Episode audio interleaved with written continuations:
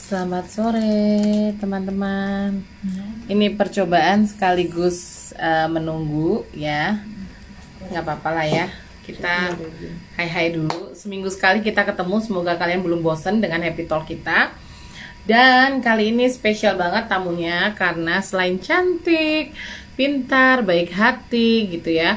Beliau juga uh, lumayan bukan lumayan lagi ya, terkenal gitu uh, bukan beliaunya aja yang terkenal, tapi bahkan uh, keluarganya pun uh, punya peran penting di dunia beauty di Indonesia. Jadi seru banget. Uh, aku akan tanya-tanya dan seperti biasa uh, sambil nunggu ya, sambil nunggu teman-teman masuk, join gitu. Uh, nanti ada berapa orang yang beruntung?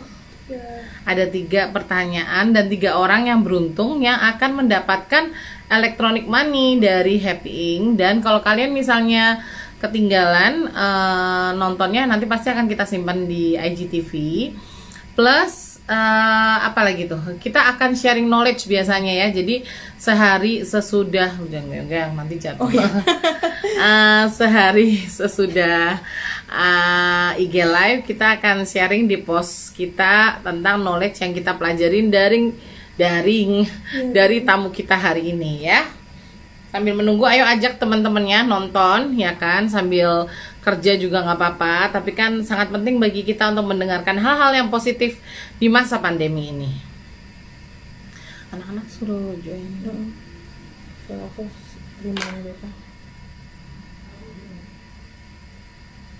Ini jam berapa sih sebenarnya? Duh, masih tiga menit lagi bang. Iya, masih menunggu ya tiga menit lagi nggak apa lah. Kan katanya kita harus on time.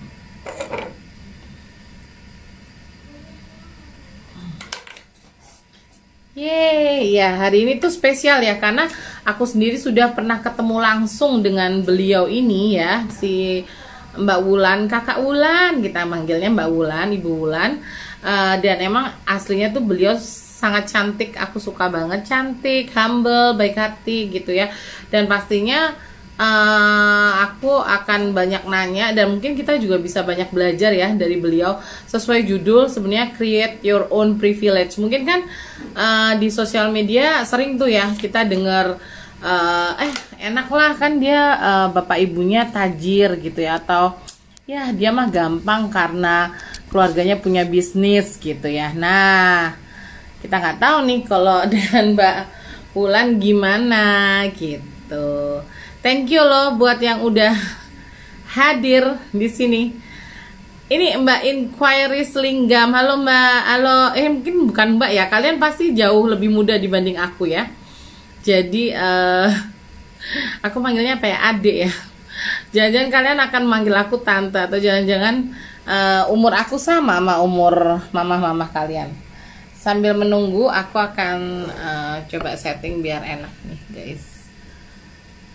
Nah, yang nonton pasti bisa nanya-nanya banget, uh, tulis aja.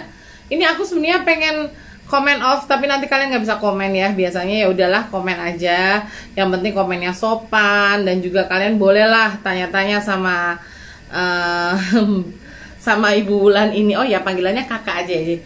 Sebenarnya kita manggilnya happy people aja ya, karena kita berharap semua yang nonton akan lebih happy. Gimana kabarnya hari ini? Kalian masih uh, parno nggak tentang pandemi ini? Masih jaga kesehatan kan?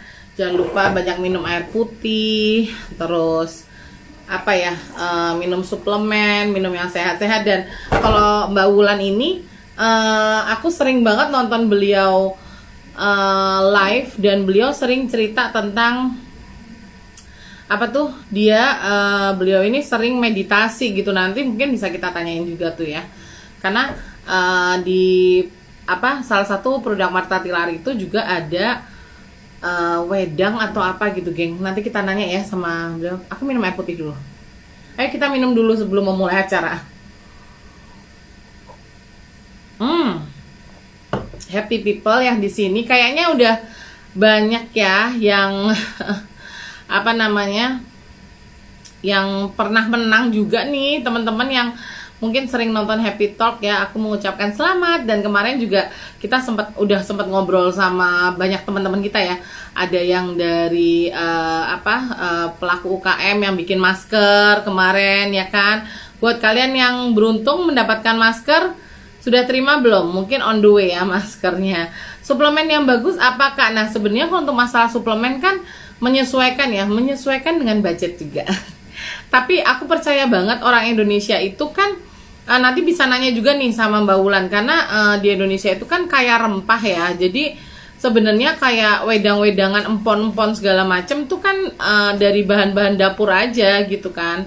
Cuman uh, kita pergunakan lagi untuk jadi penambah suplemen kita gitu. Jadi tidak tidak harus melulu suplemennya adalah suplemen instan jadi dan mahal gitu kali ya uh, dan yang terpenting sih asupan sih. Kalau di Happy Ink kan kita semua sejak pandemi ini yang mereka makan adalah masakan aku. Jadi mereka no jajan-jajan klub. Belum berani jajan lah ya di luar. Dan itu mungkin juga salah satu apa ya uh, salah satu aspek supaya badan kita tetap sehat. Kita tahu apa yang kita makan dan siapa yang masak. Halo Winda welcome to the happy talk kita masih nunggu sih uh, nanti si Aul akan tanya udah masuk belum mbak bulannya ah masa Aku coba invite dulu ya, ya. Mbak Kalian share dong di komen kira-kira pengen ngobrol sama siapa. Uh, kalau belum masuk tuh saya. Kalau kemarin tuh kita ini loh, uh, kita bakal ada tamu spesial ya. Tapi mungkin next month. Uh, kalian ada yang tahu Amazing nggak? Nah, kalian kasih tahu makanya kalian ajak deh teman-teman kalian untuk nonton Happy Talk ya karena mungkin yang menjadi pengisi acara adalah Amazing dan kita akan ngobrolin zodiak nah gimana ini Mbak Wulannya udah hadir aku akan invite aja beliau tuh kan pada tahu kan nah ini aku lagi nyusun jadwal nih supaya si Amazing bisa jadi tamu Happy Talk Nah, aku lagi waiting nih. Moga-moga internetnya lancar ya, guys. Selamat sore, sister. I miss you. Aku cantik banget, tuh kan. Selalu eh, cantik. Apa? Mau dong join Amazing, mau lihat zodiak zodiak. Iya kan, tunggu ya tunggu ya kita lagi apa lagi nyusun jadwal karena ya emang kan di masa pandemi ini dia lumayan laris ya bikin live di mana-mana. Cuma kemarin kita udah sempat ngobrol pengen ngobrolin zodiak dan 2020 yang jahat ini. Apa kabar, sister? Aduh, seger banget. Ya. Belum Lagi sempat ketemu lagi di mana? Di kantor atau di rumah? Masih WFH atau WFO? lagi di kantor. Hari ini di kantor. Oh, lagi di kemarin Uh, eh teman-teman suara kita berdua jelas nggak nih? Kalau jelas kasih ini ya, kasih simbol, kasih simbol. Soalnya suaranya si Sulan kayaknya kecil nih beb. Kecil. Ah tuh. Masa? Kecil. A apa agak hilang muncul gitu sih sebenarnya bener nggak suara Mbak Wulan Enak nggak kedengarannya? Oh oke, okay. oke okay. oke okay, ya. Aduh ini kayaknya karena karena Instagram suka jahat ya sis. Kalau di atas satu jam kita langsung diputus sis ya kan. Jadi kita langsung eh, nanti kalau diputus nggak bisa disimpan di IGTV kan sedih. Makanya kita harus ada timekeepernya. Tuh. Kak kurang kenceng kak katanya ya belum. Ini kan belum ngobrol ya kan. kita ngobrol. Mbak Wulan, ini ya dari yeah. nama Mbak Wulan aja, kita semua tahu lah Marta Tilar itu sangat berperan besar lah ya di Indonesia di dunia kecantikan. Nah, kalau boleh tahu nih uh, Mbak Wulan sendiri di Marta Tilar pegang bisnis yang mana? Karena uh, aku kan pakai lipstiknya. Apakah Mbak Wulan pegang lipstik? Aku suka pijet di spanya. Nah kan, nah ini cerita dulu deh yeah. ke teman-teman yang nonton. Uh, sebenarnya kalau Mbak Wulan sendiri uh, mensupport bisnis yang mana nih Mbak Wulan? Oke, jadi memang uh, yang seperti Agnes Happy Mami bilang, tadi kan bisnisnya memang di dunia kecantikan memang banyak ya dari hulu ke hilir nih kita. Tapi memang untuk saya sendiri, personally, saya aktif di Spanya. Suaranya kedengeran kan? Kedengeran kalau aku, ya. Ya, jadi uh, sehari dalam uh, everyday uh, apa everyday activities saya, saya memang memegang di divisi spa gitu. Mm-hmm. Nah, uh, spa ini sendiri memang uh, selain untuk kita punya sendiri, kita juga um, franchise kan bisnis tersebut. Franchise ya. Mm-hmm. Ya. Jadi saat ini franchise kita udah ada hampir di seluruh Indonesia dari Aceh sampai ke Kupang sih. Jadi ke mana-mana kita bisa cari mata Pilafa di mana-mana di kota-kota ya. yang terdekat di teman-teman gitu. Atau teman-teman ada yang mau beli franchise-nya bisa ya sis kalau teman-teman di sini ya. ya Ya karena aku berasa banget tuh aku sering waktu ke Jogja aku main ke Spanya ya kan berarti itu franchise gitu ya. Oke oke ya. oke. Tapi Mbak kita juga membuka opportunity juga kalau misalnya memang uh, franchise itu dianggap uh, sebuah investasi yang cukup tinggi. Kalau hmm. teman-teman yang punya sendiri dan mau konsultasi gitu kita bantuin untuk setup spa-nya itu juga memungkinkan. Hmm. Jadi itu oh, wow. dengan budget kalian gitu. Ih seru banget. Jadi bisa spa consultation kayak bisnis ya karena kan sekarang memang uh, sejak sejak uh, mungkin sejak sebulan yang lalu ya kita tahu bahwa uh, Gojek menutup uh, unit bisnisnya yang Go Live, which Go Masak tuh buy gitu ya. Nah, ini buat teman-teman yang mungkin uh, pengen buka ya kan, atau mungkin kena layoff tapi dapat duit pesangon, bingung mau bikin apa, mungkin mau bikin pijet sehat ya sis ya. Bisa banget. Oh, ya. seru seru seru seru seru seru. Uh, hmm. Nah, tapi uh, ini kalau kata-kata anak sekarang ya sis uh, suka ngobrolin privilege sis gitu. Jadi mereka suka bilang ah dia sukses karena uh, orang tuanya tajir gitu ya. Nah kan uh, Mbak Wulan membawa nama uh, Marta Tilaar yang segitu besarnya gitu. Menurut Mbak Wulan sendiri, apakah itu privilege atau bukan sih Mbak? Uh, kalau saya memaknai sebuah privilege, apakah itu sebuah nama besar ataukah itu sebuah posisi kekayaan atau kekuasaan apa pun oh, oh. itu saya memaknai um, mengutip dari si uncle-nya Spider-Man, uh, oh. my favorite quote, um, with great powers come great responsibilities. Jadi oh, yeah. sebenarnya memiliki itu adalah tanggung jawab kita sendiri. Kalau memang kita melihat itu privilege, tapi kita hidupnya juga nggak bertanggung jawab, kita ya seenaknya gitu ya kan, uh, attitude kita nggak baik dan sebagainya ya privilege itu hanya menjadi sebuah privilege. Tetapi yeah. kalau memang melakukannya dengan penuh dengan tanggung jawab dan kita memaknainya hmm. dengan uh, hidup dengan berbuat kebaikan atau bagaimana hidup kita bisa berdampak hmm. dengan orang lain, saya rasa itu yang disebut dengan privilege yang sebenarnya. Jadi yes, yes. dengan privilege saya tanggung jawabnya lebih gede loh. Iya iya iya iya iya. Benar ya, karena kan gerak-gerik kamu jadi orang ngeliat banget gitu ya sis ya karena semua orang se-Indonesia ya kan kak eh Mbak Wulan tuh lagi nongkrong di cafe menteng ngapain dia gitu kan ya bener bener bener, bener. tapi itu bagus ya maksudnya uh, itu juga bisa jadi apa mungkin teman-teman yang nonton di sini kebanyakan anak muda sih happy people-nya itu uh, first jobber sampai uh, umur 28 lah ya jadi emang uh, young very young dan tadi yang kamu bilang bahwa ya privilege tuh nggak berguna kalau kita nggak bisa maintain juga gitu kita nggak bisa mempergunakannya dengan benar.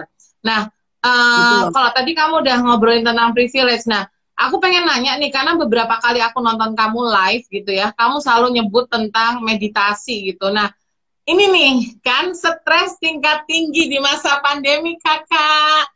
Tolong kak, coba di share gimana sih cara lu tetap uh, tetap awake, tetap sane gitu di masa kayak gini. Iya, jadi memang uh, salah satu yang saya lakukan untuk self care uh, selain berjemur, minum vitamin, makan iya. sehat dan sebagainya, ya. Uh, memang salah satu yang saya lakukan setiap hari adalah meditasi. Kebetulan hmm. banget waktu sebelum COVID, kok ya baru bener-bener bulan Januari itu saya ikut meditasi Bali Usada. Jadi meditasi hmm. kesehatan.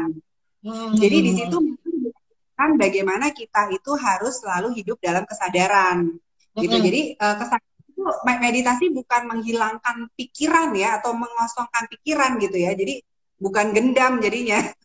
Jadi memang kita me- mengamati apa Ya. yang ada di pikiran kita. Jadi kita kayak nonton film sebenarnya gitu. Mm-mm. Dan kita benar-benar sadar ada di saat ini dan ada di di, di tempat ini. Jadi kayak Oke, sini oke. kini. Mm. Nah, jadi em, salah satu yang aku benar-benar tekuni dan pelajari itu dengan eh, meditasi itu. Diusahakan sih kali sehari, eh, Oke. setiap kali Zoom itu 30 menit biasanya. Mm-mm. Cuman memang ini diperlukan komitmen dan ini ya, apa disiplin yang tinggi ya, teman-teman Hmm. kalau untuk memang menekuni ini. Tapi manfaatnya benar-benar buat saya tuh eh, gila banget deh kalau enggak sih udah jadi perkedel kali ya sekarang Iya, ya. iya, benar. Karena tadi seperti yang lo bilang ya Beb ya, eh, menyadarkan bahwa kita hanya berpikir diri kita dan jiwa kita di saat yang sama ya di hari ini. Nah itu kan kalau orang Saat overthinking ya di saat ini karena kan Ya. orang overthinking karena mikirin ke depan-depan tuh yang jelek-jelek lah gitu ya. Terus Nah, udah itu eh, untuk beberapa orang mungkin khawatir berlebihan ya. Nah itu menurut aku tuh bagus tuh yang tadi kamu share gitu. Nah terus eh, jadi gimana sih? Ini ada pertanyaan bagus tadi ya. Mungkin aku sambil baca ya Neng. Soalnya kalau enggak aku lewat gitu. Nah ini ada yang nanya the hardest part of bringing success family background itu apa kak? Ada nggak hardest part yang eh, tadi tuh yang ini berarti masih relate sama privilege tadi ya Beb ya? ada, ada banget. Kalau buat saya pribadi, the hardest part adalah me-fulfill someone, somebody else expectation. Jadi Mm. kita uh, berusaha memenuhi um, ekspektasi orang lain gitu ya. Ya Ibunya jago begini gitu ya. Anaknya kayak apa nih? Bisa nggak sih? Mampu Mm. nggak sih? Gitu ya. Jadi Mm-mm. uh, jujur aja pada waktu awal-awal gitu Iya. mulai um, uh, ber, benar-benar terjun profesional uh, itu cukup menjadi beban sendiri buat gue gitu ya. Maksudnya Iya, um, gimana ya? Maksudnya orang pasti akan membandingkan saya dengan ibu saya gitu kan. Dan itu ada sesuatu hal yang sangat manusiawi gitu. Tetapi Iya, saya akhirnya menyadari bahwa kita sendiri ini masing-masing diciptakan untuk menjadi the best version of ourselves. Jadi the best version of you yang nggak bisa dibandingkan dengan orang lain gitu. Walaupun memang orang lain pasti akan membandingkan. Jadi dari situ saya mulai banyak melakukan uh, penerimaan ya, maksudnya self acceptance gitu bahwa uh, I have to allow myself to grow. Jadi benar-benar um, apa uh, benar-benar memberikan uh, kesempatan untuk diri saya waktu untuk bisa bertumbuh sesuai dengan pace dan kemampuan saya gitu ya. Ya. Nah, itu benar-benar harus kita uh, berikan waktu kepada diri kita sendiri. It's not fair kalau kita tuh harus oh ya ibu saya uh, sukses, saya harus sukses sekarang gitu. Uh, aku nggak pernah percaya orang yang suksesnya instan karena saya benar-benar percaya bahwa kesuksesan itu harus melalui proses Ya, jatuh ya. bangun, penguatan, penerimaan apa pun itu you have to go through it dan itu menjadikan diri kita terbentuk menjadi suatu karakter yang tangguh dan karakter yang bisa bertanggung jawab. Gitu. Wow, wow, keren banget ya Beb. Gila sih, rasa bersyukur gue kenal sama lu ya. eh tapi bener ya, maksudnya orang-orang tuh suka ngerasa eh, eh, karena privilege sih jadi gampang. Padahal bener kalau misalnya kayak gue orang biasa gitu, gue hanya compete with myself gitu ya kan. Tapi sedangkan kalau kamu, kamu tuh harus compete sama ekspektasi orang-orang yang mungkin sudah mengenal ibu kamu gitu kan ya, dan banyak eh, banyak opini-opini masyarakat lain ya bener nggak sih Beb gitu jadi emang malah harus lebih teguh gitu dengan diri sendiri ya kan nah Hmm. tadi tuh ngomong-ngomong masalah spa juga eh apa gimana nih di masa pandemi ada ada switch atau pivot bisnis strateginya apa nih Beb Eh karena pandemi ini Jadi memang untuk spa sendiri kita ini sampai saat ini masih ditutup ya dari awal PSBB sampai saat ini spa belum boleh dibuka. Memang Hmm. kalau untuk salon eh, rambut sudah boleh. Jadi kita hanya membuka bagian salon Ya. aja. Kalau untuk spa terus facial itu memang belum. Jadi yang benar-benar waktu itu kita melakukan tuh ya kita melakukan banyak em, uh, apa ya waktu itu kita tuh jujur aja melakukan uh, WhatsApp shopping gitu ya benar-benar yeah. uh, kita akhirnya jual yang namanya uh, ini loh herbal yeah, drink kita. Tadi aku juga ngomong nih sama Happy People, nah, ya kan nah, teh teh ini ya beb ya teh teh alami nih. Hmm, ini ginger tea yang memang uh, tadi kan kamu udah sempat uh, ngomong ya tentang empon-empon kekayaan alam Indonesia gitu yeah, kan. Yeah. Memang jahe ini salah satu dipercaya bisa meningkatkan imun uh, imunitas mm -hmm. tubuh gitu. Ini juga mm -hmm. ada si uh, serai atau lemongrass ini. Gitu. Jadi hmm. memang waktu benar fully close, benar-benar nggak ada sama sekali pemasukan, justru kita tuh uh, sangat terbantu dengan menjual produk-produk yeah, herbal yeah, drink yeah, ini. Yeah, yeah, yeah, yeah. Juga yang pastinya teman-teman butuhkan pada waktu itu adalah si hand sanitizer. Yeah, Jadi hand kita sanitizer. juga uh, kita melakukan shifting production dari produksi lipstick yang tadi Kak Agnes tunjukkan hmm. menjadi si hand sanitizer ini yeah. gitu ya karena memang langka banget ya waktu itu kita nyari hand sanitizer dan sampai sekarang sampai sekarang aku rasa hand sanitizer kalian tuh termasuk yang terbaik dan harganya sangat masuk akal beb. Karena maksudnya uh, mungkin karena lokal production ya gitu. Aku tadi barusan teleponan sama uh, tim hand sanitizernya dirimu juga gitu. Pengen kerjasama beli banyak karena dari Happy kita mau ada jualan uh, tote bag yang anti air jadi pengen di dalamnya ada hand sanitizernya gitu loh. Iya, iya, tapi okay. menurut aku itu adalah langkah cerdas ya, Beb ya. Intinya kan aku tahu nih kalau uh, di pundak kita kita para entrepreneur pasti nggak cuma mikirin bisnis, tapi ada orang-orang yang terlibat di dalamnya nih, ya kan, Beb. Nah, ini tadi ada yang nanya juga, gimana sih kamu ngebalance emosi kamu antara working with the family sama uh, working sama orang-orang yang believe ke kamu di masa pandemi ini ya pastinya ya gitu. Hah, menarik nih pertanyaannya.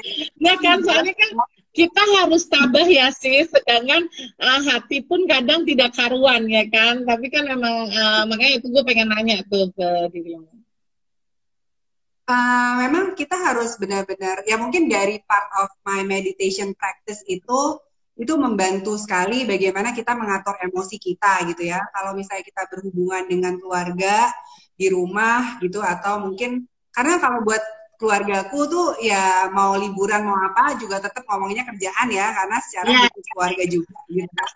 Jadi kita bisa say no gitu udah gue nggak mau ngomongin kerjaan atau memang ya sudah gitu. Jadi halo gitu kan uh, untuk uh, to our, ourselves sane gitu kan nah tapi memang uh, buat saya secara pribadi tantangan ya mungkin teman-teman juga mengalami hal yang sama di masa pandemi ini di mana semua shutdown dan semua slow down ya adalah bagaimana kita bisa bertahan memberikan gaji pada waktu itu juga THR kepada uh, karyawan kita gitu kan. Jadi itu benar-benar di situ saya sungguh amat bersyukur sih terus terang kepada semua pihak baik dari karyawan ataupun dari hmm. semua tim kita sendiri. Hmm. Uh, itu benar-benar uh, penuh dengan pengertian, uh, penuh dengan kerelaan gitu ya untuk menerima dan bekerja sama pada iya. waktu yeah. kita benar-benar sulit gitu. Dan uh, buat saya tuh it's a blessing karena uh, apa ya teman-teman atau karyawan atau tim itu benar-benar uh, dengan legowo gitu loh dengan mm-hmm. oke okay, saya saya paham gitu jadi kita juga akan bersama-sama membantu supaya yeah. company ini bisa berjalan terus gitu jadi mm. buat saya itu bukan sesuatu privilege jadi itu memang sesuatu yeah.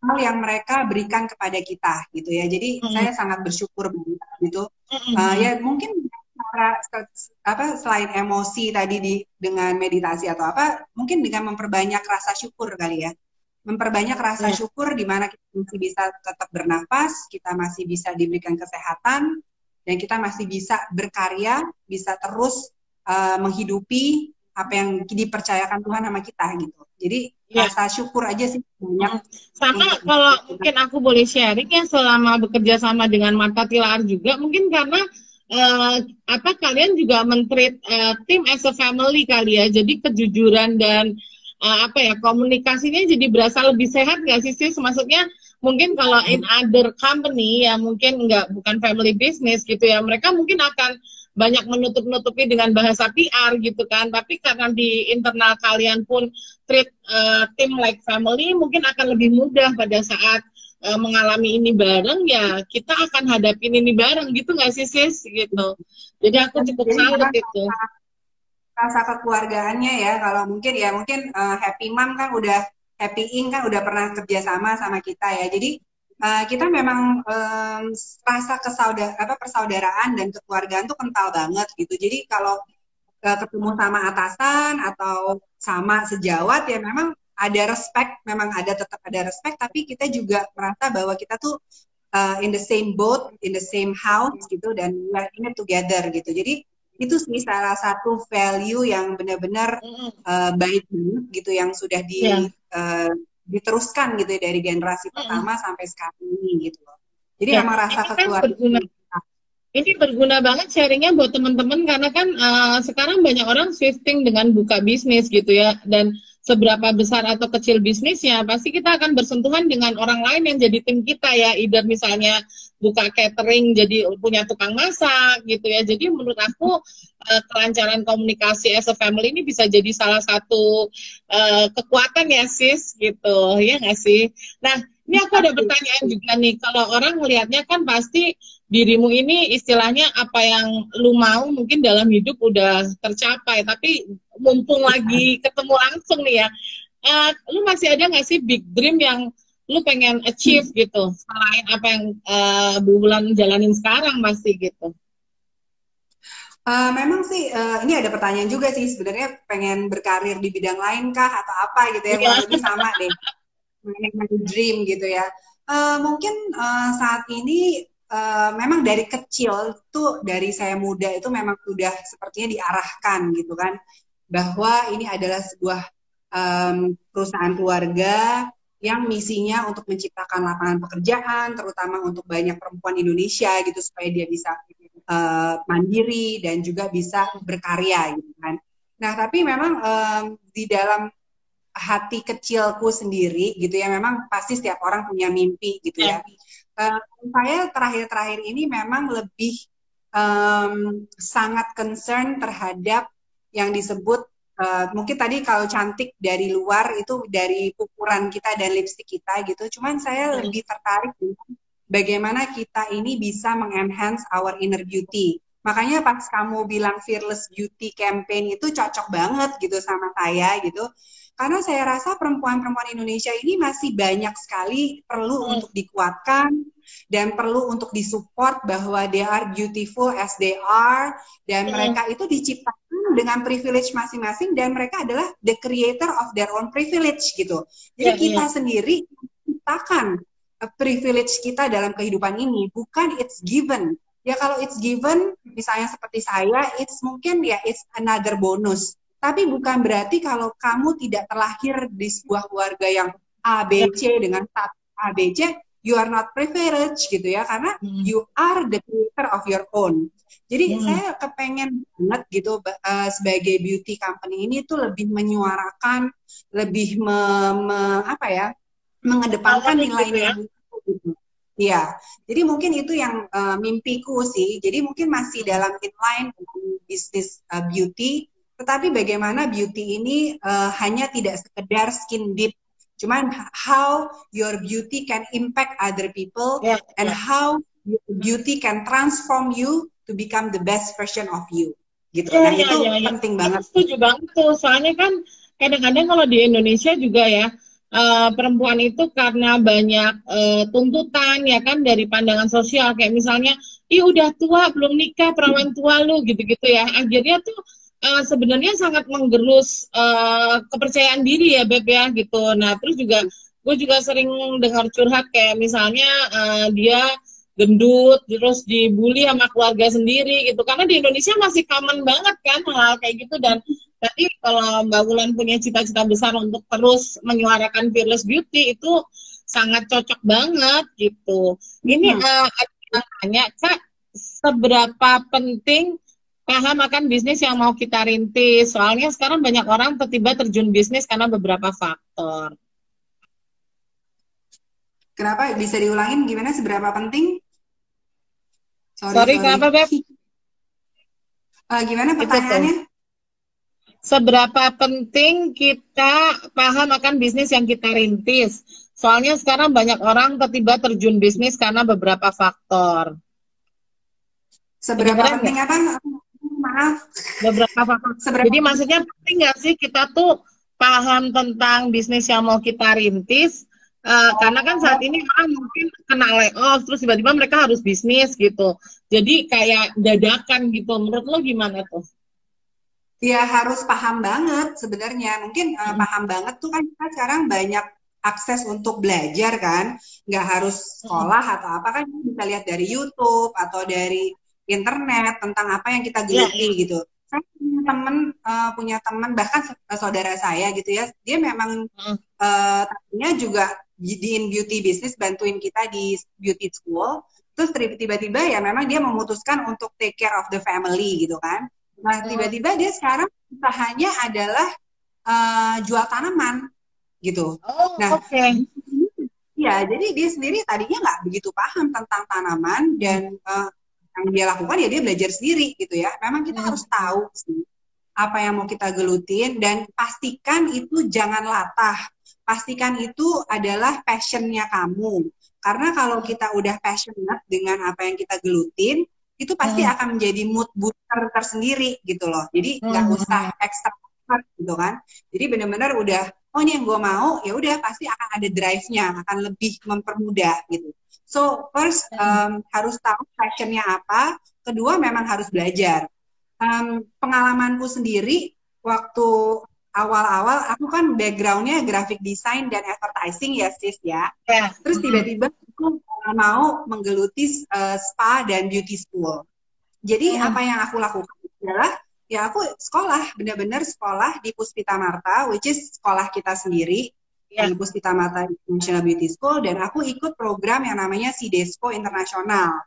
Nah di situ aku belajar benar gimana cara pijetin orang, facial facial in medo, gitu kan terus hmm. uh, manicure pedicure gitu kan jadi uh, ngeluarin kotoran kuku dan yeah, sebagainya yeah. gitu ya gitu kan sampai uh, sampai kadang-kadang klien yang saya pegang itu ada masalah dengan kulit uh, apakah itu panu apa itu jamur hmm. gitu ya uh, cuman di situ justru ya buat aku tuh memang kita harus terjun ya kita yeah. harus bisa merasakan supaya kita bisa juga menghargai apa yang akan kita lakukan gitu. Ya, Jadi benar. we appreciate kayak misalnya aku sekarang uh, udah di spa gitu, aku benar-benar menghargai terapisku gitu ya. Jadi iya, nggak ya, mungkin aku bilang gini, ah nggak mau tahu nih omset kurang satu orang harus 10 klien. Hmm. Ya nggak mungkin gitu karena ya, ya, mau ya. aku sendiri eh, gitu ya masak orang gitu. Iya, dan berat banget gitu untuk ambil 10 orang mungkin gitu kan. Jadi memang harus terus belajar, nggak ada maksudnya nggak ada tawar menawar ya apalagi ingin terjun ke sesuatu hal yang kita belum pernah lakukan gitu. Hmm, tapi itu juga kan ya sis ya dengan proses belajar itu itu juga membentuk kita jadi leader yang lebih baik kan karena kita jadi nggak sembarang asal nyuruh gitu nggak sih Nah, ini untuk teman-teman yang nanya, mungkin uh, tadi udah Mbak Ulan udah share ya bahwa sekarang ini belajar bisa dari mana aja gitu kan karena kan pada masa pandemi ini uh, belajar online banyak gitu. Tapi paling tidak jangan cuma latah eh orang pada jual makanan gue juga jual deh gitu ya kan. Kayaknya harus tetap harus research lebih dalam ya sis ya gitu. Bener gak sih? Nah. ini uh, ada pertanyaan juga. Uh, apa sih bisnis struggle kamu yang paling memorable katanya? Hmm, bisnis struggle. banyak sih. Kalau mungkin tadi dari personal tadi uh, lebih banyak uh, tadi kan um, mencoba memfulfill uh, ekspektasi orang lain. Itu struggle cara personal. Hmm. Tapi bisnis uh, banyak juga, ada banyak juga kegagalan kami gitu ya. Jadi uh, ada beberapa outlet spa kita misalnya gitu ya, uh, yang tutup gitu. Ada beberapa yang tutup beberapa kota misalnya. Mm-hmm. Tapi buat saya uh, kalau misalnya itu adalah sesuatu kegagalan, uh, itu kita bisa menjadikan itu sebagai suatu pembelajaran. Kenapa kita gagal di kota itu misalnya? Kayak misalnya contohnya kota Semarang tuh kelahiranmu yeah. tuh aku mm -hmm. di situ gitu ya maksudnya beberapa mm -hmm. kali kita buka sekarang uh, belum berhasil nih memenangkan yeah. hati kota Semarang gitu. Ya hmm. memang hmm. kita harus belajar gitu kan dari lifestyle-nya mereka, kesukaan hmm. mereka gitu ya. Hmm. Yang pasti tuh Semarang itu adalah modis. Orangnya modis semua, mau diskon. Ya, mau diskon benar, mau harga murah ya sis. Ya, jadi ya, kayak gitu kita harus bagaimana uh, atur lagi kan strategi pricing kita, kemudian harus tahu di mana kita harus hadir, mungkin ya usah terlalu yang di premium kayak gitu-gitu deh. Karena memang mereka hanya mau yang banyak diskon, misalnya kayak gitu. Hmm. Kegagalan sih banyak beberapa beberapa outlet misalnya tutup dan kita juga semakin belajar bahwa ternyata kalau mencari franchise partner itu uh, tidak hanya aiming atau hanya ditentukan dengan berapa uang atau modal yang banyak yang banyak gitu. Jadi kadang-kadang oh ini orang pasti punya modal gede gitu ya. Jadi oke okay, gitu. Ternyata yeah. enggak. Jadi kita milih sekarang lebih selektif. Kita pilih orang uh, calon partner yang punya misi dan visi yang sama-sama kita gitu. Jadi kalau bilang oh nanti boleh nggak ya di spa saya ada suntik botox gitu atau ada suntik vitamin C gitu. Ya itu udah nggak mungkin karena mm. misi dan visi kita adalah tradisional, alami, natural, ya. Jadi uh, itu udah pasti di dieliminasi di awal tuh. Gitu. Jadi memang banyak kegagalan yang kita lakukan itu adalah pembelajaran yang terbaik sih kalau menurut saya. Tapi gini ya, bedanya ngomong sama orang-orang yang positif, mungkin kan kalau teman-teman yang udah sering uh, nonton Happy Talk tahu bahwa di sini kita juga ngajarin orang untuk uh, berpikir secara positif. Tadi Mbak Wulan aku tanyain tentang uh, bisnis struggle, yang dia pandangan dia adalah itu adalah challenge gitu ya kan. Tapi buat orang yang negatif mungkin bisnis struggle itu hal-hal yang memberatkan tanpa solusi gitu. Sedangkan dari ceritamu itu malah sesuatu yang bikin kamu belajar gitu kan, new challenge gitu. Emang very different ya. Jadi uh, buat teman-teman yang nonton penting banget nih untuk mindset kita tuh positif gitu. Karena pada saat positif semua masalah akan jadi pembelajaran bukan jadi beban gitu ya sis ya. Bener nggak sih? Betul. Itu penting banget ya. Aku bangga loh aku bangga loh kenal sama kamu ini satu circle positivity gitu ya kan. Terus aku ada pertanyaan juga nih dari temen eh dari orang yang nonton ini. Kan dirimu kan ibu dari dua orang anak perempuan yang cantik-cantik ya. Nah gimana tuh? Secara parenting uh, apa yang value apa yang lu highlight sih buat mereka berdua? Apalagi kan uh, sekarang ini zaman udah makin gila ya dengan dengan teknologi tuh kejahatan udah advance gitu. Kalau zaman gue dulu kayaknya kejahatan belum kayak gitu. Sekarang uh, hacker lah, menculik lah segala macam udah lewat internet pun bisa gitu. Nah, value apa sih yang kamu tanamkan ke kedua putrimu? Uh, value uh, bagaimana mereka itu bisa menghargai diri mereka sendiri. Jadi hmm. uh, saya mau mereka mau punya kebebasan untuk bisa menjadi dirinya sendiri.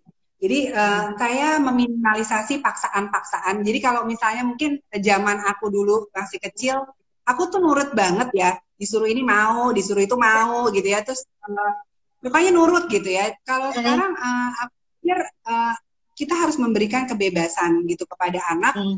Uh, karena anak-anak sekarang berbeda sama zamanku oh, iya, dulu iya. gitu yang memang uh, oke okay, disuruh gini oke okay, digini oke okay, gitu ya. Kalau sekarang they pretty much know what they want. Ya kan kayak uh, happy baby kan udah tahu kan dia maunya apa ya, ya. Uh, kayaknya kalau kita malah membatasi kreativitas atau motivasi mereka itu kayaknya nggak fair buat buat mereka gitu. Jadi buat saya itu harus menjadi diri sendiri. Kedua ya harus tanggung jawab dan jujur nilai hmm. itu ya karena misalnya sekarang tadi kamu bilang teknologi dan apa pun itu sekarang udah lebih mudah dan lebih aksesnya lebih gampang gitu ya kalau misalnya kita terlalu membatasi dan kita juga nggak bisa membatasi juga kan kita nggak punya hmm. waktu untuk kayak jadi anjing pe, pe ini ya maksudnya watchdognya mereka gitu jadi hmm. memang kita harus katakan bahwa kita memberikan kebebasan tapi kamu harus bertanggung jawab dengan hal-hal yang baik. Kalau misalnya ada sesuatu yang mengganggu atau hmm. sesuatu yang kamu pengen tanya, apakah itu misalnya isu tentang LGBT misalnya, atau kayak kemarin isu Black uh, Black Matter Lives gitu ya, yeah, yeah, yeah. itu kamu tanya gitu uh, apa sih yang menjadi pertanyaan kalian gitu jadi nggak usah uh, pura apa nyari-nyari sendiri atau akhirnya diri malah nanti malah situs-situs yang nggak jelas yeah. gitu uh, aku membiasakan untuk bertanya dan kalau itu memang aku suruh cobain gitu. Misalnya misalnya mau nyoba apa? Wine. Mau nyoba bir. Oke okay, aku kasih tapi kamu hanya coba gitu. Gimana rasanya? Tapi mereka tuh juga nggak nggak penasaran akhirnya dan uh, malah sembunyi-sembunyi gitu. Misalnya kayak gitu. Jadi yeah. Iya. kebebasan tapi kita masih bisa memonitor gitu loh. Jadi dia belajar untuk bertanggung jawab. Oh wow Berarti, tapi itu harus berbesar hati kita ya sis ya. Pada saat komunikasi terbuka kita sudah takut-takut nih dengar kejujuran. Makanya gue suka digoda, Iya nggak sih kita gue suka digoda nama laki gue. Kamu yakin anak kamu memboleh cerita apa aja? Ntar kalau dia datang-datang bilang, Ma tadi aku habis ciuman di mana? tapi ini adalah suatu hal yang memang terjadi kan di dalam kehidupan iya. kan. Iya. Eh, Jadi, tapi kamu harus uh, ini nggak sih berharap ada salah satu anak kamu akan mengikuti jejakmu di dunia kecantikan atau kamu bebasin aja deh karena kan ya emang kritis-kritis ya beb sekarang bahkan mereka bisa browsing sendiri uh, cari jalan mereka sendiri gitu. Kalau dari kamu gimana? Aku sih memang aku memberikan kebebasan sih karena aku ngelihat uh, setiap anak itu kan dia menyikapi atau menanggapi uh, privilege-nya ya sebagai apa pun itu uh, berbeda-beda. Jadi ada yang merasa terbebani, ada yang merasa happy, ada yang merasa oh, ya bodoh amat lah, terserah gitu ya. Cuma kalau aku melihat anak-anakku memang uh, dia mereka itu udah cukup tahu apa yang mereka inginkan. Jadi yang kayak yang kecil masak gitu kan. Jadi kan nggak mungkin dong apa ya ya mungkin aku mas ada sih bisa aja kalau mau dikawin-kawinin sama kosmetik kayak Shiseido kan dia punya uh, cafe kan? Dia punya coklat gitu patisier gitu dia punya cafe gitu. Jadi saya pikir kalau mau dikawin-kawinin sih bisa aja.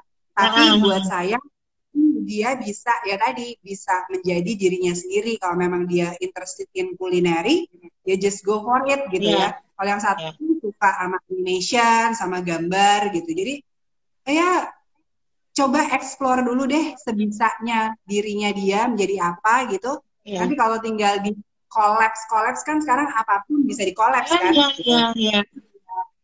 Itu lebih gampang mengkolaps dibanding bingung mau jadi apa gitu. Kalau buat saya mendingan kamu menjadi diri kamu sendiri supaya kamu merasa yakin dan pasti untuk menjalani kehidupan ini. Gitu. Iya benar. Eh tadi kalau ngobrolin masalah being the best version of ourselves gitu. Ini jadi penasaran gue.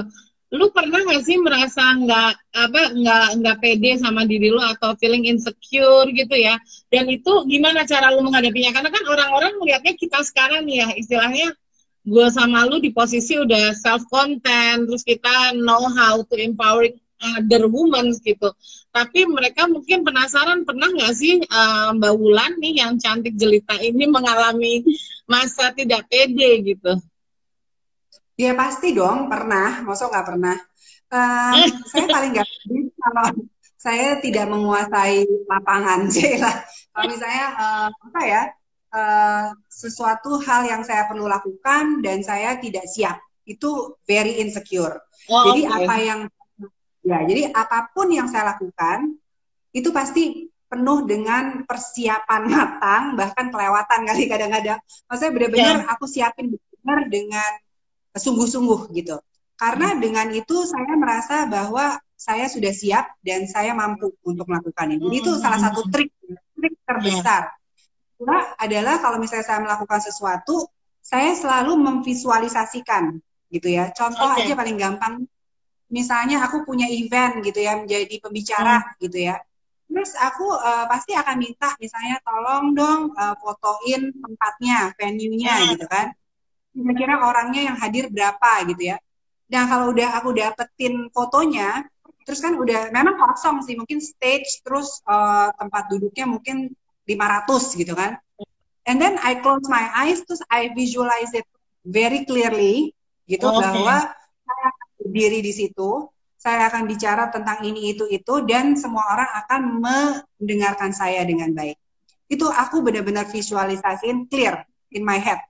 Nah, itu sangat amat membantu di setiap kali saya merasa insecure dan merasa tidak pede dan segalanya. Dan itu termasuk dengan bagaimana saya penampilanku. Jadi uh, dulu mungkin kalau Happy Mami kenal aku uh, tahun dua tahun lalu ya, mungkin ya. aku lebih lebih berat bobotnya sekitar 15 kilo gitu ya. Hmm. Jadi uh, dulu ya aku harus pinter-pinter bagaimana merasa nyaman, bukan ya. merasa cantik ya. Hmm. Pertama aku harus merasa nyaman dengan apa yang saya gunakan gitu. Jadi mau sebagus apa pun ya, baju betul. itu, mau mahal apa pun baju itu, kalau saya tidak nyaman, it's not going to work for me gitu. Ya. Jadi kuncinya harus nyaman gitu. Jadi kalau udah nyaman dan saya itu akan otomatis merasa lebih pede. Jadi itu trik-trik yang gampang, ya nggak gampang sih, yang simple, tapi mungkin jarang di-share gitu sama orang ya, lain. Betul, gitu. Jadi betul, itu betul yang aku lakukan gitu. Nah, Sebenarnya kalau kenapa aku uh, uh, apa yang di kepala ya BP kadang-kadang orang kan preparing hanya apa yang kelihatan gitu loh tapi kan yang kamu share tadi kayak you preparing yourself untuk berada di depan 500 orang berdiri di sana gitu ya jadi itu uh, knowledge ya. baru juga nih buat teman-teman ya uh, mungkin jadi bisa yang mau ujian ujian interview atau skripsi mau presentasi gitu ya sih iya iya ya. jadi tadi yang seperti kembali lagi ke meditasi tadi, uh, aku merasakan banget gitu ya kalau seseorang itu hadir di saat itu dan di tempat itu, hmm. itu pasti kehadirannya itu bisa dirasakan. Jadi uh, ada kadang-kadang orang yang cuman uh, di on the stage atau kita ketemu tapi hmm. dia cuman ngomong-ngomong-ngomong-ngomong gitu ya, tapi hmm. dia nggak ada di situ gitu. Kayak asal ngomong jadinya gitu. Cuman kalau uh, yang aku selalu berusaha uh, terapkan gitu, setiap hmm. kali aku berbicara atau kayak kayak ngomong sama dirimu saat ini dan 25 hmm. liter ini, itu aku hadir gitu loh. Aku dengan ketulusan hati, dengan sungguh-sungguh, aku hadir untuk kalian gitu. Jadi yeah, yeah. semoga saya siapkan ini bisa dirasain gitu sama teman-teman gitu. Pasti rasanya beda hmm. sih dibanding sama orang yang asal-asalan yang udah eh apa kabar? Yeah. gini gini gini gitu berasa banget gitu uh, vibe dan energinya gitu. Jadi harus Tapi, hadir sharing energi gitu ya sih ya. Sharing energi dan ini apalagi lewat teknologi itu kita nggak bisa langsung ketemu orangnya lebih sulit lagi gitu nggak sih? Kalau dulu sebelum yeah. pandemi kan gue ketemu sama lu tuh kita bisa dapet banget nih feeling positifnya karena ngobrol langsung gitu ya apalagi sekarang gitu Nah, nah, balik lagi. eh, ini tuh gue tuh karena trauma hilang ya, jadi tuh tim gue juga udah tiga menit lagi, tiga menit lagi kita harus simpan dulu. Ini makanya pakai another handphone untuk live jadi sambil nunggu teman-teman uh, masuk lagi juga ya. Nah, uh, aku ada pertanyaan nih Beb. Tadi kan kamu bilang kan uh, aku tahu banget uh, Ibu Wulan Lari ini sering banget sharing ya di acara online offline rame sekali. Nah, ada nggak sih sosok yang lu tuh starstruck gitu kayak wah gila ketemu orang ini gitu. Ada nggak sih idola atau apa ya? kayak misalnya gue ketemu Glenn Fredly gitu. Oke oke. ya? Ada nggak? Siapa ya? Ada nggak? Atau lu lagi jalan-jalan ketemu siapa gitu liburan terus tiba-tiba ketemu artis Korea kayak suka nonton Korea nggak sih? Hmm. Dulu ya, dulu pada zamannya ya, dulu pada zamannya aku tempat starstruck dengan Lee Min Ho. ah, Lee Min Ho. Aduh, ternyata kamu juga wanita wanita kebanyakan ya kak. Uh, terus terus kriminal. Iya, cakep kan. Tapi ya sekarang masih juga sih. Cuman ya nggak kayak dulu. Kalau dulu sih benar-benar malu-maluin deh. Hmm, eh. aib, aib. Sampai ngeprint ngeprint poster nggak beb enggak dong ya kan pasti. Sampai ngeprint ngeprint poster nonton uh, konsernya oh my god oh my god itu sama banget kayak gue nonton Justin Bieber kagak ada temen gue mau nemenin Kan kanan kiri teman anak-anak SMP. Kamu nonton di mana itu konsernya? Ya di itulah di apa eh, Balai Sidang zaman itu 2013. Aduh, Ya ampun. Ih, aku juga ingat banget aku nonton Justin Bieber tuh di Sentul, nggak ada yang mau nemenin aku karena kayak semua temenku kayak gila ya ngapain sih suka dan waktu itu dia masih ponian gitu. Terus yang waktu di sana tuh bener-bener dedek-dedeknya ngeliatin aku kayak bude-bude ini siapa sih? Bude-bude ini ngantor yang mana nih? Saking sukanya sama Justin Bieber. Tapi ada nggak sih idol perempuan yang suka gitu, yang maksudnya value-nya sama gitu sama dirimu? Idols perempuan ya. Idols Mm-mm. perempuan nih. Bentar, kok ada telepon masuk ya tiba-tiba? Aduh. Jangan. Aku suka Oprah Winfrey. Oh, oke. Hmm. Jadi Kenapa tuh untuk- sukanya? Cerita dong. Eh, Oprah menurut aku kan dia juga hidup dengan awalnya juga enggak dengan struggle yang cukup berat ya. Dia Hmm. juga mengalami sexual harassment dan juga Iya. mungkin sebagai eh, perempuan kulit hitam itu kan juga punya a challenge apalagi dia juga Iya. waktu itu anchor yang apa eh, berkulit hitam gitu kan. Nah, eh, Hmm. tapi ternyata dia bisa menjadi ratu ya, ratu apa sih namanya tuh daytime eh, talk show Hmm. gitu kan. Talk show, Tapi kan- betul.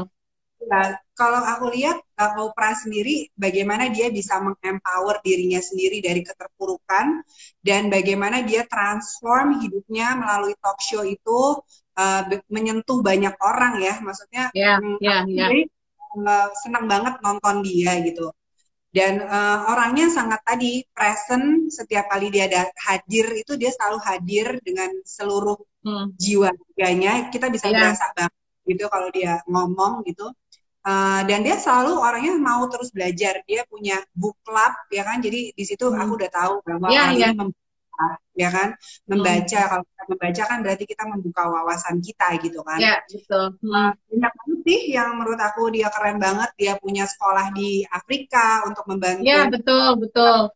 Ya. orang apa anak perempuan Afrika gitu kan dan ya itu buat saya that's life should be gitu ya Bagaimana Oh, iya. itu berguna gitu ya untuk diri kita sendiri dan juga untuk orang lain gitu.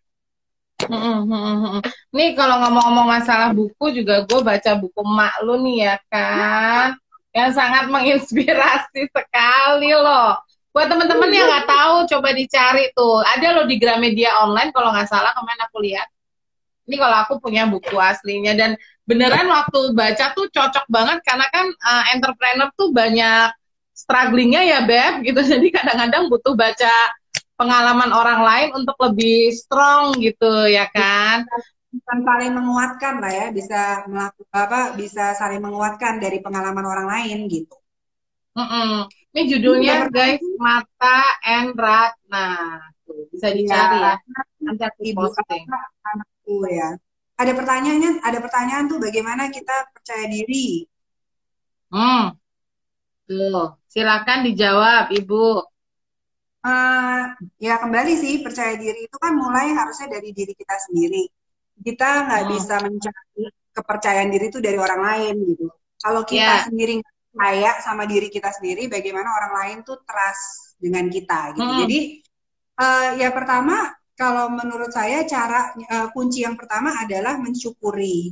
Mensyukuri apa yang ada pada kita. Jadi ya kalau memang Ya. bentuk pipi kita cabi-cabi begini, ya bersyukurlah Hmm. kalau kita tuh punya pipi gitu ya. Betul. Kalau misalnya pipi Betul. bolong serem ya gitu. Punya mata Iya, benar. sipitnya, mata sipit Hmm. nggak belok, ya bersyukurlah kita punya mata gitu. Kalau orang yang buta Hmm. mungkin dia akan sangat menginginkan punya mata yang bisa melihat. Jadi kuncinya adalah satu bersyukur dengan apa yang kita Hmm. miliki. Nah, Mm-mm. kalau sudah bersyukur, pastinya kita punya kelemahan dan kekurang, eh, kelebihan. Nah, kekurangan kita ini gimana caranya supaya bisa di eh, diimprove gitu. Jadi Iya, mungkin yang tadi nggak bisa ini bisa menjadi lebih baik gitu loh. Jadi Hmm. Hmm. semuanya itu bisa kok sebenarnya dimulai eh, dipelajari, diimprove Mm-mm. itu kalau kita sendiri tuh mau gitu untuk mengimprove diri Iya. kita sendiri gitu. Jadi Hmm, kuncinya tuh hmm, di kita gitu. hmm. Eh, terus kan eh, semua orang tahu ya Marta Tilaar itu kan produknya banyak banget gitu. Do you have a favorite product gitu? Kalau gue banyak ya. Eh, kalau gue suka parfum, ya kan? Lipstick udah pasti kan semua lipstick dibeli. Kalau dirimu sendiri penasaran nih gue, what's your favorite product dari Marta Tilaar? Hmm, percaya apa enggak nih, percaya apa enggak? Will- tadi? aku aku tuh suka banget sama facial foam putih langsat. Oh ya, ya, ya, ya, ya. Kenapa Nah, tuh? eh, salah, salah satu produk yang I cannot live without sih sebenarnya. Jadi aku ini sebenarnya sangat malas ya. Jadi masuk skincare gitu justru malah aku tuh orangnya aktif banget gitu. Jadi dengan yang si si facial foam putih langsat itu dia tuh bisa memang selain mencerahkan kulit, mencerahkan ya teman-teman bukan memutihkan. Tidak ada Iya pemutih kan? kan, gitu kan. Jadi mencerahkan kulit kita, terus memang rasanya tuh bersih, terus kemudian eh, memang baunya juga pas banget, segar gitu ya. Jadi nggak tahu deh, Iya, iya. Masa facial foam kayaknya sangat amat menjadi idola saya. Cie. Iya, makanya nih buat teman-teman yang biasanya beli produk-produk luar negeri ya, banyak loh produk-produknya Marta Tilaar yang gue suka banget. Tadi ada yang nanya ada parfumnya ya. Anda dan ini baunya nggak kalah sama parfum terkenalnya depannya huruf J.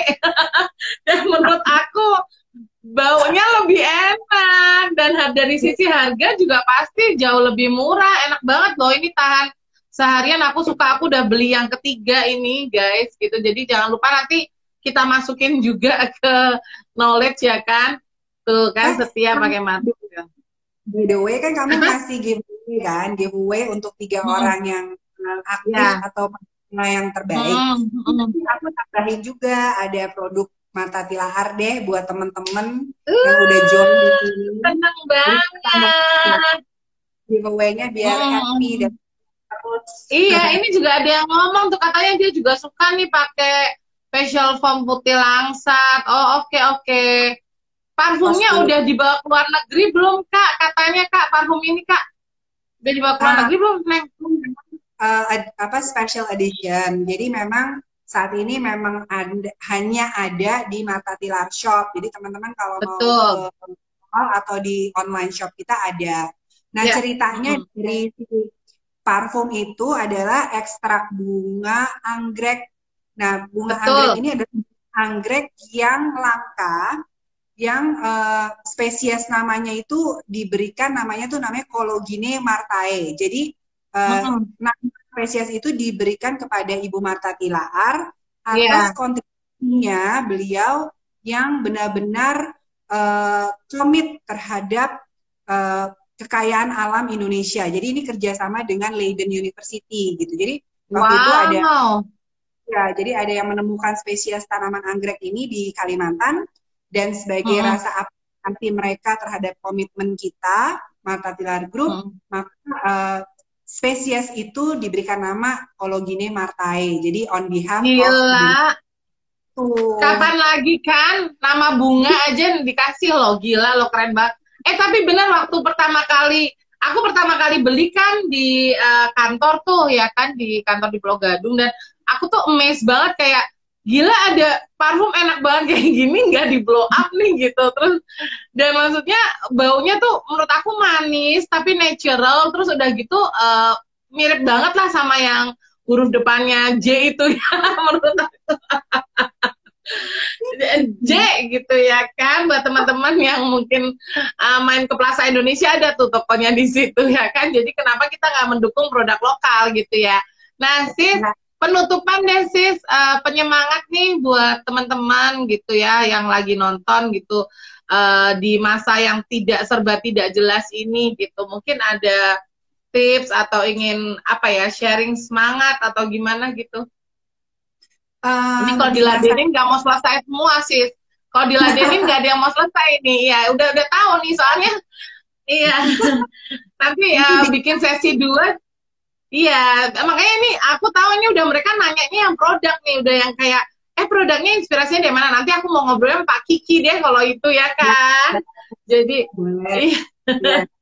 Nah, kalau buat aku selalu memang kalau ditanya tentang pandemi, saya tidak pernah mengatakan bahwa ini adalah masa sulit atau masa kelam atau masa apa pun yang negatif. Yang tadi kamu udah ngomong juga, selalu aku bilang ini adalah masa yang penuh tantangan. Jadi uh, kalau buat saya dalam hidup itu bukan masalah uh, fakta dari kehidupan uh, atau kejadian dari kehidupan, tetapi yang penting atau yang krusial adalah bagaimana reaksi kita terhadap apa yang terjadi. Itu yang akan yeah. menentukan hidup kita selanjutnya. Jadi di sini ada pertanyaan juga, kalau gimana hmm. ada orang menjatuhkan kita, atau ada hmm. orang yang jelek-jelekan kita, even itu saudara sendiri atau teman dekat sendiri. Ya, betul. Ya udah, faktanya adalah orang menjelekan kita. Tapi reaksi kita, bagaimana kita bereaksi terhadap fakta itu, itu yang menentukan hidup hmm. kita. No, kalau buat yeah. saya ada yang menjelekkan, oke, okay, saya akan saya akan terima dulu apakah itu fakta yang benar atau tidak. Kalau memang itu hmm. benar dan saya bisa memperbaikinya, saya akan memperbaikinya. Tapi okay. kalau memang itu fakta itu jel, maksudnya tidak benar atau itu fitnah atau apa pun, ya saya tidak akan mem, mem, apa ya, saya bereaksi untuk tidak mengindahkannya, gitu. Jadi yeah dengan bagaimana how we react on things atau on life itu akan mm. sangat menentukan kehidupan kita selanjutnya. So very mm. be wise itu dengan bagaimana kita bereaksi dalam segala sesuatu yang terjadi dalam hidup kita. Gitu. Oh wow. Eh tapi by the way penasaran nih lipstick kamu hari ini juga bagus banget loh. Iya yeah, oh, Itu nomor berapa ini? Hah? Mira Bella um, matte lipstick nomor tiga. Mirabella ya, tuh guys dicatat kalau ngeliat cewek pakai lipstick kan pasti nggak tahan ya. Itu ada yang nanya loh parfumnya harga berapa? Kalau gua nggak salah uh, ingat tuh uh, nggak uh, lebih dari tiga ratus ribu. Dan itu hmm. worth it banget karena super gede guys. Jadi ini tuh isinya 100 ml ya, jadi gede tuh. Sama tangan aku hmm. tuh lihat. Jadi bukan yang kecil gitu ya kan. Iya loh karena ya. waktu ke bawa traveling juga teman-teman aku amazed kayak hah kok enak banget baunya gitu. Itulah ya emang luar biasa. Tuh nomor berapa kakak? Tuh nomor tiga Mirabella tuh ya kan. Kalau pengen lihat-lihat produk mungkin bisa langsung ke Mata Tilar Shop di uh, e-commerce ada ya Beb ya di e-commerce ada Terus hmm. uh, kalau toko fisiknya kan ada di Grand Indonesia juga, di MKG.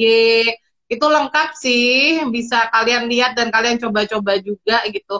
Dan yang pasti sih kalau untuk uh, semua produk mata tilar pasti cocok untuk kita-kita karena ya produk lokal ya sis, pasti kan juga researchnya sama orang lokal juga gitu ya. Thank you so much Mbak Bulan waktunya. Aku tahu kamu sibuk, masih sempat ngobrol satu setengah jam. Di Shopee ada nggak kak? Ada, ada, ada ya. Ada. Jadi nanti yang buat nanya-nanya produk bisa nge DM karena tim Happing semua hafal nih untuk masalah produk-produk Marta Tilaar. Jangan khawatir gitu ya kan. Sampai jumpa, jaga kesehatan. Salam ya buat semua. Thank you so much Mulan. Dah.